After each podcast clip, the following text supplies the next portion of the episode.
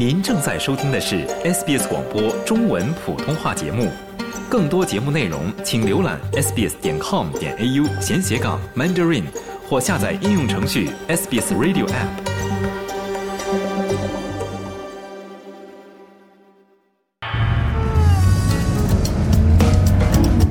定金澳洲真好，票子、房子、车子都有了，简直跟做梦一样。好什么好呀？去年撞了车，今年还麻烦不断，我都快给愁死了。为什么不去请教专家？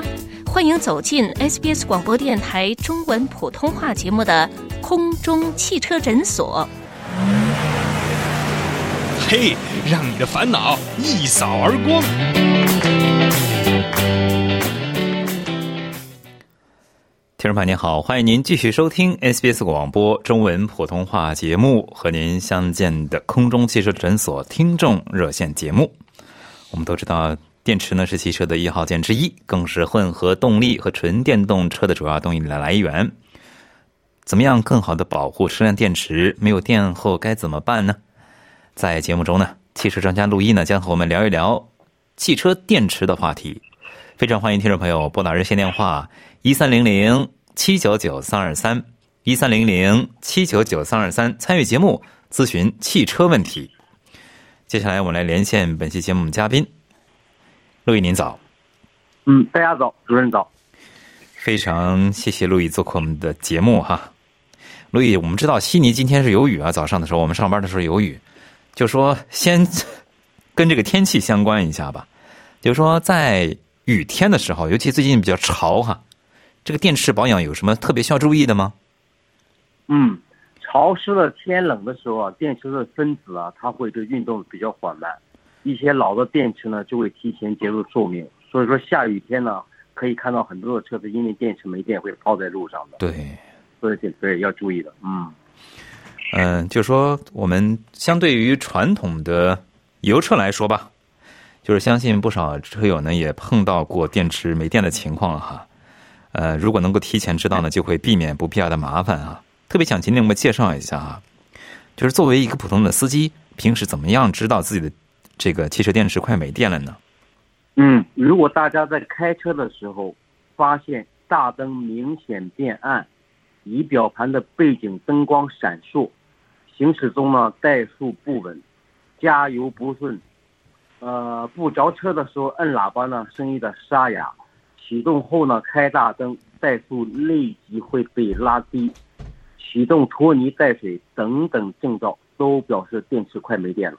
嗯，就说如果哈，这个电池呢，平时也没有这些症状，但是呢，我就想未雨绸缪一下，就说我就想了解一下我这个电池究竟使用期限、寿命还有多长时间，心里有个底，别不至于这个抛锚在路上哈。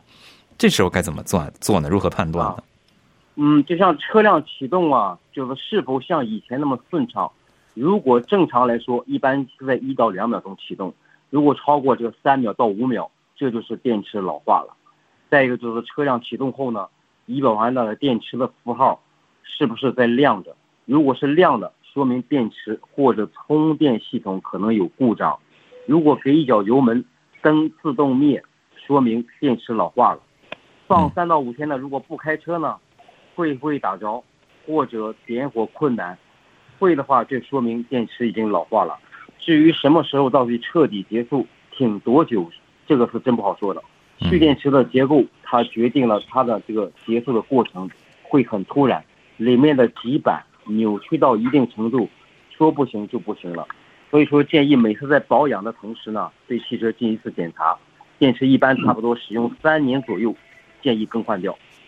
嗯，非常谢谢您的介绍哈。其实呢，在用这个电池的过程中哈，除了我们普通的这个汽车电池之外哈，混合动力车和纯电动车的这个电池呢，是它们的主要动力来源哈。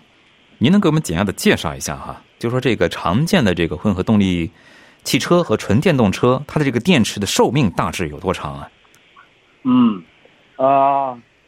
这个像有些有些这个铅酸电池呢，循环的寿命差不多是在两百到五百次，就是说两到四年左右。嗯。启动启停专用的电池寿命循环的寿命是在四百到八百次，四到六年左右。新能源电池的锂电池的寿命一般在五到八年，油电混合动力的汽车的电池寿命，它是这个啊、专用的那个电池，循环的寿命可以达到四百到八百次，也相当于四到六年。嗯，非常谢谢陆毅的介绍啊。这个听众朋友热线电话依然是一三零零七九九三二三一三零零七九九三二三，非常欢迎您继续拨打来参与节目，咨询汽车问题。由于我们这个电话线路呃线路呢，又很开心的出现了问题，所以呢，我看不到听众朋友们的这个名字，甚至是电尾号都看不到哈。我只能是尝试着接一下来试试哈。这位先生和女士，您能听到我说话吗？请讲。喂，这位听友您好？哎，是您怎么称呼您先生？啊、我姓蔡。哎，蔡先生您好，您请讲。啊，呃，早上好，呃节目主持人陆毅叔。您好我，就想请教一个问题，呃，你们今天这个标题是很好，就是电动车，我正好买了一辆新的电动车，嗯但是有一个问题想请教的是呢，就是比如说我去度假，嗯这个车放三个星期在家，嗯，就是放在车库里面。以前的话呢，我有的是要把这个电源，就是电瓶这电源拔掉。现在呢，我不知道该怎么办，就是就让他去这样，还是怎么样？嗯，呃，现在新出的就是新能源那个全电车啊，您可以就是说插在家里的插座或者插在充电桩上，它那个车内那个电脑会自动控制，充满了会断电，就是这个您不要担心。啊、就就让它一直插着这个充对，一直。插着，对，呃，亏电的时候就会充，充到百分之百就停掉，它会自动的。啊，那么充呃就是一直插着是没没问题的，对吗？没问题，因为新车那个新的能源车都有这个功能的。好，谢谢。还有一个问题嗯就是，我想买一个就是这个 cable 啊，就是在外面充电的，它有很多的不同型号，比如说它有七千瓦的，呃呃，充那个二十二千瓦的。如果我买一个充二十二千瓦的，是不是两只都可以充？用七千瓦的，个二十二千瓦的都可以用，是吗？啊、大功率的线肯定会充的比小功率线要快，时间要缩短很多的。啊，那就就是买大一点就比买小一点的好。还有一个问题，它有嗯它呃，它有一个有就是一个怎么说呢？三项的和一项的线，就是买哪一个比较好？嗯，呃，一般外面的快充桩基本上都是三相电，像一般车上有些车带的就是家里的是普通的，就是两百四十伏的电。啊，咱就应该就买嗯三相的，就是就是外面充的，就是应该买三对对，没错，是，嗯啊，那是四百八十伏的电。好好的，谢谢嗯谢谢陆师傅，啊，嗯，不客气。嗯，再见。那么非常谢谢蔡先生咨询哈，祝您顺利。听众朋友，热线电话依然是一三零零七九九三二三一三零零七九九三二三，非常欢迎您拨打参与节目咨询汽车问题。接下来接听下面一位听众，这位先生或女士您好，喂喂，怎么称呼您先？生？是您？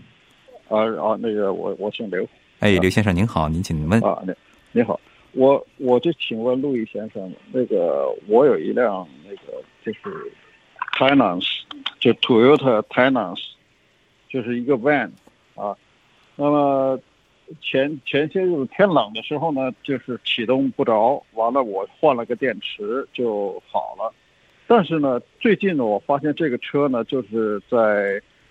比如说开两个小时或者三个小时，就或者开甚至开半个小时，就是车那个引擎热了以后，我突然停的停，突然停车，比如说我到加油站去加油，那么加完油以后再也打不着了，就是说，那个把钥匙拧到那所有的那个昂，在那个带式的那个所有的灯都是好的，都是亮的，嗯就是连那个一拧那个钥匙呢，就怎么也打不着。完了呢，嗯放那么五分钟、十分钟以后，他那个 engine 呃就冷了一冷了一下，完了嗯马上一打又着了。嗯。啊，我问您一个问题啊，我哎问一个问题，哎就说您在打不着的时候，有没有听见那个启动马达的声音？还是说没有声音或者没有一点声音啊？一呃啊绝对没有啊。嗯，这有可能是您的启动马达老化了。哦，热的时候反倒不工作，冷的时候相对来说好一点。哦，嗯，下次这么样，如果碰到这个情况的话，就是说你有可能有两个人的话，如果你那个启动正常那个丰田车的启动马达是在波箱和发动机之间，在波箱的上方，你找一个人呢，找一个硬的，就是比较粗一的铁棍儿，你在车里做点火的动作，你让他用那个铁棍儿啊，就是说稍微使点劲，对，敲一下。如果是敲着了，那说明百分之百是启动马达出故障了，就有偷停的现象了。嗯。哦，这就是他那个吸力包不吸了是吧？啊，它里边对有一个转子，这都是正常。你给电的时候，它会把它吸进去，把那个齿轮咬合在飞轮上。它如果是哦就是说老化的话，根本吸不进去的话，就会偷停的。哦，太脏了，或者是它那个 contact 这是不不失灵了是吧？啊，反正什么东西都有个寿命吧。啊，啊，对，我明白了。行了，谢好嘞谢谢谢，感谢刘先生咨询哈，祝您顺利谢谢。听众朋友您好，欢迎您继续收听空中汽车诊所听众热线节目。做客本期节目的嘉宾是汽车专家陆毅，热线电话在开通状态哈，依然是一三零零七九九三二三一三零零七九九三二三，非常欢迎您拨打参与节目咨询汽车问题。接下来我们来继续接听听众电话，由由于我们这个神奇的电话系统哈，今天给我们神秘感，所以呢，我不知道这个接听的是哪位的，我会询问，然后您来应答哈。这位先生或女士您好，喂，你好，你好，哎，怎么是我吗？哎，是您，怎么称呼您？洪先生，洪先生您好，今天抱歉哎看不到这个您的电话号码和呵 名字都看不到。没关系，我觉得这点神秘感对嗯主持人或者是对听众来说也是挺好的，哎苦中作乐吧。嘿，是的，嗯是的，我觉得您这个总结的好如。果从积极的方面来看，对，其实也是一种，就今天算是一种特别的节目了。谢谢，谢谢。嗯，好。那关于这个汽车问题，我呃，我有我有一个问题想咨询，就是之前我的那个从偏远地区开三个小时到城里的过程中，那天非常热，嗯，然后我的车忽然之间它的速度降得非常低，然后后来就再也不能启动了，然后呃就打不着火了。然后后来我停在了路边，然后打着了以后，然后嗯继续开了，然后后来到了修车厂，他说节气门太脏了。所以关于节气门，我想问一下，我有什么驾驶习惯需要更改，或者是平时要做一些什么嗯要注意的事情，或者是保养吗？嗯，呃，节气门呢，就是驾驶习惯倒没什么影响，就是说每次做保养的时候建议清一下，因为那个节气门呢，这前面的地方是这个空气过滤器，只要你车一打着，它就像吸尘器一样，不停的往发动机里输送新鲜的空气，那里面很容易脏的。如果那里边积碳过多，就会导致车无泪、发抖，甚至是耗油耗会增多。所以说建议啊，每次保养的时候啊，把节气门清一下。在市场上你可以买那种那个 soft body 那 cleaner 那种专门的药水来喷一喷，把整个节气门清洗一下。嗯，那这个节气门，我是喷到节气门上，还是喷到某个系统里？比如说之前空调清新剂，我喷到空调出风口就可以了。嗯，这个就是切在空切喷到那个空气过滤器连接那个管道，管道需要断开。你要如果动手能力强的话，可以自己动手做一做。一般节气门的话是多久需要清理一次？如果假如说嗯每天跑，可能大概二十公里左右。啊，反正你一万公里或者是半年就做一次。如果是老车，你就说五千公里，对，五千公里或者半年做一次。新车呢，你就一万公里或一年做一次。嗯，这个老车的概念是多久？你觉得算是差不多超过七八年以上的车龄，就是跑个十五万往上的那车就算老车了。好的，好的。那么还有嗯一个问题就是，嗯，在偏远地区能发生很多神奇的事情。我发现我的空调出风口里有一个蜘蛛已经死掉了，嗯然后我当我想去夹的时候，它又掉回去了。嗯，嗯那这个东西我该怎么办呢？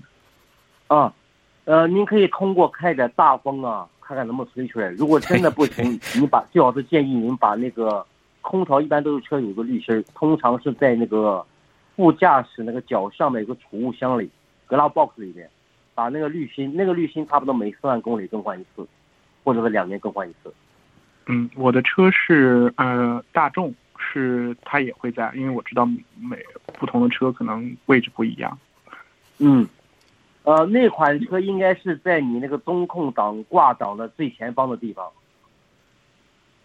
哦，好，嗯，嗯，挂挡最前方的地方，行。嗯，对，我是嗯大众的 Polo，对。嗯，能再说一下那个那个那个英文词汇它的那个滤芯的 glass 什么？就滤芯的是 air filter 是吗？呃，不，你说不是 L filter，Solid body 之前 cleaner。哦，好的好的，谢谢。Solid body 啊，节气门叫 Solid body，P 啊 H R 哦，O W T L E。好的好的，谢谢。嗯好嘞谢谢洪先生咨询啊，祝您顺利。啊，相对于刚才洪先生咨询的这个节气门的问题，其实如果是正常做保养的话，你只要跟这个做保养的师傅说我要定期清理一下节气门，他就会帮忙的，对吧？呃，会的，但通常一般的普通保养，如果您不跟他提的话，一我知道大多数的车厂一般是不碰这一的。嗯，好的，嗯。非常谢谢您的介绍哈，听众朋友，热线电话依然是一三零零七九九三二三一三零零七九九三二三，非常欢迎您继续拨打热线电话参与节目咨询汽车问题。接下来我再忙接一位听众的电话哈，这位这位先生或女士您好，你好，哎，怎么称呼您先生？就我们还有是姓刘。哎，刘先生您好，您请讲，哦。有什么用车疑问？啊，这这我想问那个陆毅啊师傅啊啊，我的车子呢就是那个啊 Toyota Camry 啊，已经差不多二十年了，那它可是没有走非常多的，大概是一万多公里啊。那我最近呢，它有有这个问题啊，就是说啊，在开在在行车的时候，突然它出现那个机器的那个那个晒啊。嗯，发动机的标准啊。那想问一下陆陆毅先生，看他是什么是什么问题？啊，一般如果发动机在就是说您开打着车之后，在开的期间那个发动机符号亮，就是说您的车的电脑已经读到了一些感应器输送给它的错误信息，这个是说用眼睛是看不出来的，必须要走这个专用的汽车电脑跟您车要接上，跟您车的电脑对话，才知道到底是什么问题。是这样子的，他走走的之后呢，他就一段时间呢，会灭掉。他又好，他又嗯恢复正常。嗯，嗯，建议您到专业的车厂去接个电脑查查看，就算是那个灯不亮的话，也有错误账错误代码在里边的。就就是那个晒而已，就是只有那个晒出来出现而已。对，没错没错，接个电脑看看，看看什么错误信息在里边。问通题就是常呢，百分之八九十有可能是那个排气管上的氧传感器出问题了。哦，排气管是吧？对，哦那个 O2 sensor、oxygen sensor。哦，嗯，对 sensor sensor，就是对，排气管我不知道您的动力怎么样。对您最好是接电脑看一下，我只是帮您初步判断一下。哦，因为这样子的，他我常常是这样，他走了之后一段时间，如果停停下来一段时间，他又恢复了，又没嗯，事了。行，还是接电脑看看了。嗯哦，这样子。嗯，那好，谢谢你。好嘞，谢谢刘先生咨询啊，祝您顺利啊。哎，向路易，如果是这个，我特别想问您的一个问题啊，您平时啊开车，您的这个汽车仪表盘上的这些符号哈、出现了哪一个您觉得最头疼的？啊，一般发动机出现了，这是主要，就是说一般黄色的还算好，还可以，嗯哎，就不要大给油就可以了。如果是出现红色的警告灯，那可能会比较严重一些。哦，还有红色的警告灯哈。嗯，像一些嗯感叹号那些都会比较紧张，就是说一个圆圈画个感叹号，那会比较严重一些的。反正一般来说，因为现在这个电脑用的比较多嘛，先是先接贴汽车电脑给诊断一下，对吧？相当于就是对，先读读错误代码，完了再判断是到底什么问题。非常谢谢路易给我们的介绍哈，听众朋友，您正在收听的是 SBS 广播中文普通话节目为您带来的空中汽车诊所听众热线节目。我们的热线电话依然是一三零零七九九三二三一三零零七九九三二三，非常欢迎您拨打参与节目，向现场做客的嘉宾汽车专家陆毅现场咨询汽车问题。接下来我们来继续接听听众电话。这位先生或女士您好，喂，您可以听到我说话吗？对，是我吗？哎，是您，怎么称呼您先生？呃，我姓陈，陈先生您好，您请讲。呃，我我那个我想请问那个陆毅陆毅老师傅，呃，陆毅师傅，我我我这个车呢是很老的，是是九三年听据这个那个，他们师傅讲，他说他是那一年的候奖车，他是那个 Toyota Corolla，嗯，这已经是十五万多公里。上次去检查的时候，那个里面的高二级那个师傅说，他说下一次要更换那个波箱。我我想请问一下，这个波箱，呃，是多少年需要更换？大概要花费多少钱呢？嗯，波箱通常这保养手册没有具体的规定是多少公里更换。波箱油一般您的老车应该是每四万公里更换，或者两年更换一次波箱油。如果是波箱彻底坏掉的话，呃，九三年的车有点老，我不知道能不能找到二手的，人工差不多一般都在两千左右。哇，还有这么多啊！嗯汽车三大件之一。嗯，就可就换个波箱，人工费到两千多啊！呃我不要了，这毕个我就把竟每个车厂它报废了，我就把它七百七百到两千之间都有可能，完再加上您的波箱的成本。啊，也可以换个二手的，是吧？但对，是车就不知道子，九三年能不能找到二手的了。嗯，但是这个车子这这这修性能是不错的，很、嗯呃很耐用，很耐用。嗯，您波箱油换没换过？哎，换过换过，上次在在在检查的时候他替我换了，就是说现在挂上挡车加油，车不前进不后退是吧？没有，都很正常。因为我开的那您为什么要说要换要需要换波箱呢？嗯他是那个格哈迪那个那个那个老板跟我说，他他是我老朋友了，他他一般他不会骗我的。他说他啊说，下、他下一次换波箱。呃，他建议下一次换。那一年前呢，嗯他就啊，去年这个反正没有这个明文规定到底多少公里换的，不需要更换的。啊，无非是说你已经出现现象，就是说就是开的时候打滑呀，或者是打着之后挂挡车不前进轰油啊。这个没有。嗯，这没有，你可以继续开，没问题。嗯，呃好，谢谢啊。哎，嗯谢谢陈先生咨询，祝您顺利哈、供您参考。听众朋友，热线电话依然是一三零零七九九三二三一三零零七九九三二三。接下来我们继续接听听众电话，这位听众的电话尾号是七七九。喂，您好，哎，你好，是我的电话，其实是您，怎么称呼您，女士？对，姓李。哎，李女士您好。哎，我有个问题哈，就是我的车 被车撞过以后，我去修，啊，我的车是 Subaru，一八年的 Subaru 啊，然后去修 Subaru，我买的时候他说有什么叫半个 turbo，我就不明白，就是有一个 A 字儿，就是你发动的时候，呃，停车的时候，呃，怎么回事儿？就是那个那个发动机就就是走哎，嗯，哎，对，我不知道这东西。然后呢，啊车上不是有一个，哎，有个 A 字儿嘛，亮灯哈。嗯然后呢，我这次因为车祸去车厂修，修完了以后，他把这功能就没了，这个灯老亮着。我说，嗯我就跟他说，我说我这灯怎么怎么你修完成这样子？他说的我们没有动啊，你是不是拿来就这样？我说不可能，现在就变成我的车就多了一个毛病。他说不是他的问题，那我也不知道该怎么办。那我摁一摁那个刹车这边不是有一个呃，就是原来哈摁一下才出现那个嗯 A 字一个的黄色嗯黄嗯啊一个嗯圈儿一个 A，现在这个功能就没了。我想要用那个半个 turbo，有时候那个嗯我不喜欢听那个，哎，它就没这功能，那个灯老亮着，我咋办呢？嗯嗯车厂又说啊不是他的问题，嗯，我问您个问题，就是说您在那修外表修了多长时间？我放了可能有十天吧，放了十天，还不算我没太长记得，应该是啊，因为租车给我租车不八超。年的车，嗯现在已经六年了，对吧？对呀、啊，这六年这个电池换没换过？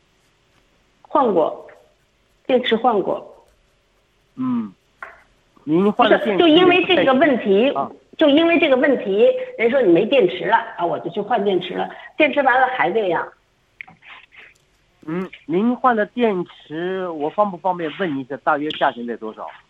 一百块钱，哦，好了，这个原因在了。这个车有启停功能的电池，您不可以用普通的电池来代替。如果用普通的电池，这个要专门带那个 start stop function 那个电池来，那个电池差不多一般在啊三百五到四百五左右。哦，是这个问题呀、对你把电池换掉，完了再找一个专业修车厂帮您接下电脑，把那个其他呃就是 A 的那个启停功能，再重新取消 reset 一下，这个问题解决了。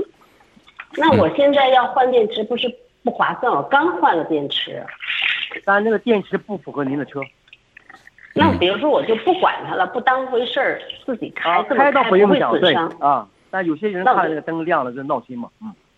对，那那如果不影响开车的话，那我索性就等下次换电池，注意这个问题。嗯，您要用专用的启停电池，不能用普通电池代替的。啊，嗯供您参考。嗯，嗯，好嘞好，，供您参考，律师，好谢谢祝您顺利，谢谢。听众朋友，热线电话依然是一三零零七九九三二三哈，您可以拨打来参与节目，咨询汽车问题。哎，像陆毅哈这种自动自启停的电池哈，它跟普通电池这个养护方面有什么差别吗？啊、养护上面倒不是，但是功能它里边内存很大，它比普通电池大很多。因为它那个车经常就是说你踩刹车踩的力度稍微大点，它会自动自动熄火，起到省油的功能。当您在抬刹车的时候，又会自动启动，因为在启动的一瞬间呢，启动马达用电量是很大的，所以这个嗯电池一定要要特殊的电池。我看到现在有听众打入电话，不知道我们的同事能不能把这个电话接入哈？请同事帮我尝试一下，这个电话能接入吗？好，这位这位听众您好，啊，你好，哎，怎么称呼您先生？啊、我姓沈，哎，沈先生您好，您请讲。啊、我想问问陆毅师傅，就是我的车啊，一般是一个月去开开动一次，那么这样的情况下面，这个电池怎么保养？是这个定期，我现在是十天启动一次，还是把它的连接线去掉？哪种方法好呢？嗯，呃，我先问您一下，您车是哪一年的？我这是呃呃丰田凯美瑞的，是二零零二零零八吧，好像是。啊，零八年的还好了，您可以用那个方式，就把负极断掉，等你用的时候把负极接回去。如果是新车呀，就不建议用这个方法了，因为哦新车的它的电脑有记忆的，像您也电脑也有记忆，但是功能比较少，简单一些。啊如果新车您要断电的重新接回去，可能仪表盘上出现一些发动机的符号、打滑灯啊一直在亮着，它就已经乱码了，必须要重新做那个 reprogramming，才可以把这些消除掉。呃，您如果方便的话，您可以一个买个智能的充电宝，哦，就是插在电源上，就是你也不用管它了，它没电时候是自动充，有电的时候是充满之后自动断电。哦哦，好的，嗯好的，好好好供您参考，陈先生。啊，祝您顺利。啊啊哎，像路易，你刚才提到这个新车换电池比较麻烦哈，如果是万一哈，就是趴在家里面的这个车趴窝趴在家里面，这时候自己换电池可取吗？新的车？呃，自己换你肯定要断电的。我们专业人士换的，就是说找另外一个就是说有电的东西接在车上，不让它断电。您的车的电脑还会有记忆的，然后把新的电池安上去。如果您断电，万一那个车就说有这些功能，它电脑失去记忆了，那会很麻烦的。好的，非常谢谢陆毅的介绍。听众朋友，因为时间关系，今天节目要和您说再见了哈。非常感谢打入电话支持我们的听众朋友们。以上就是今天的空中汽车诊所听众热线节目以及两个小时的中文普通话节目。我是刘俊杰，感谢您在清晨的陪伴。了解澳洲，融入澳洲，欢迎登录 sbs 点 com 点 au 前斜杠 language 前斜杠 mandarin，获取更多澳大利亚新闻和资讯。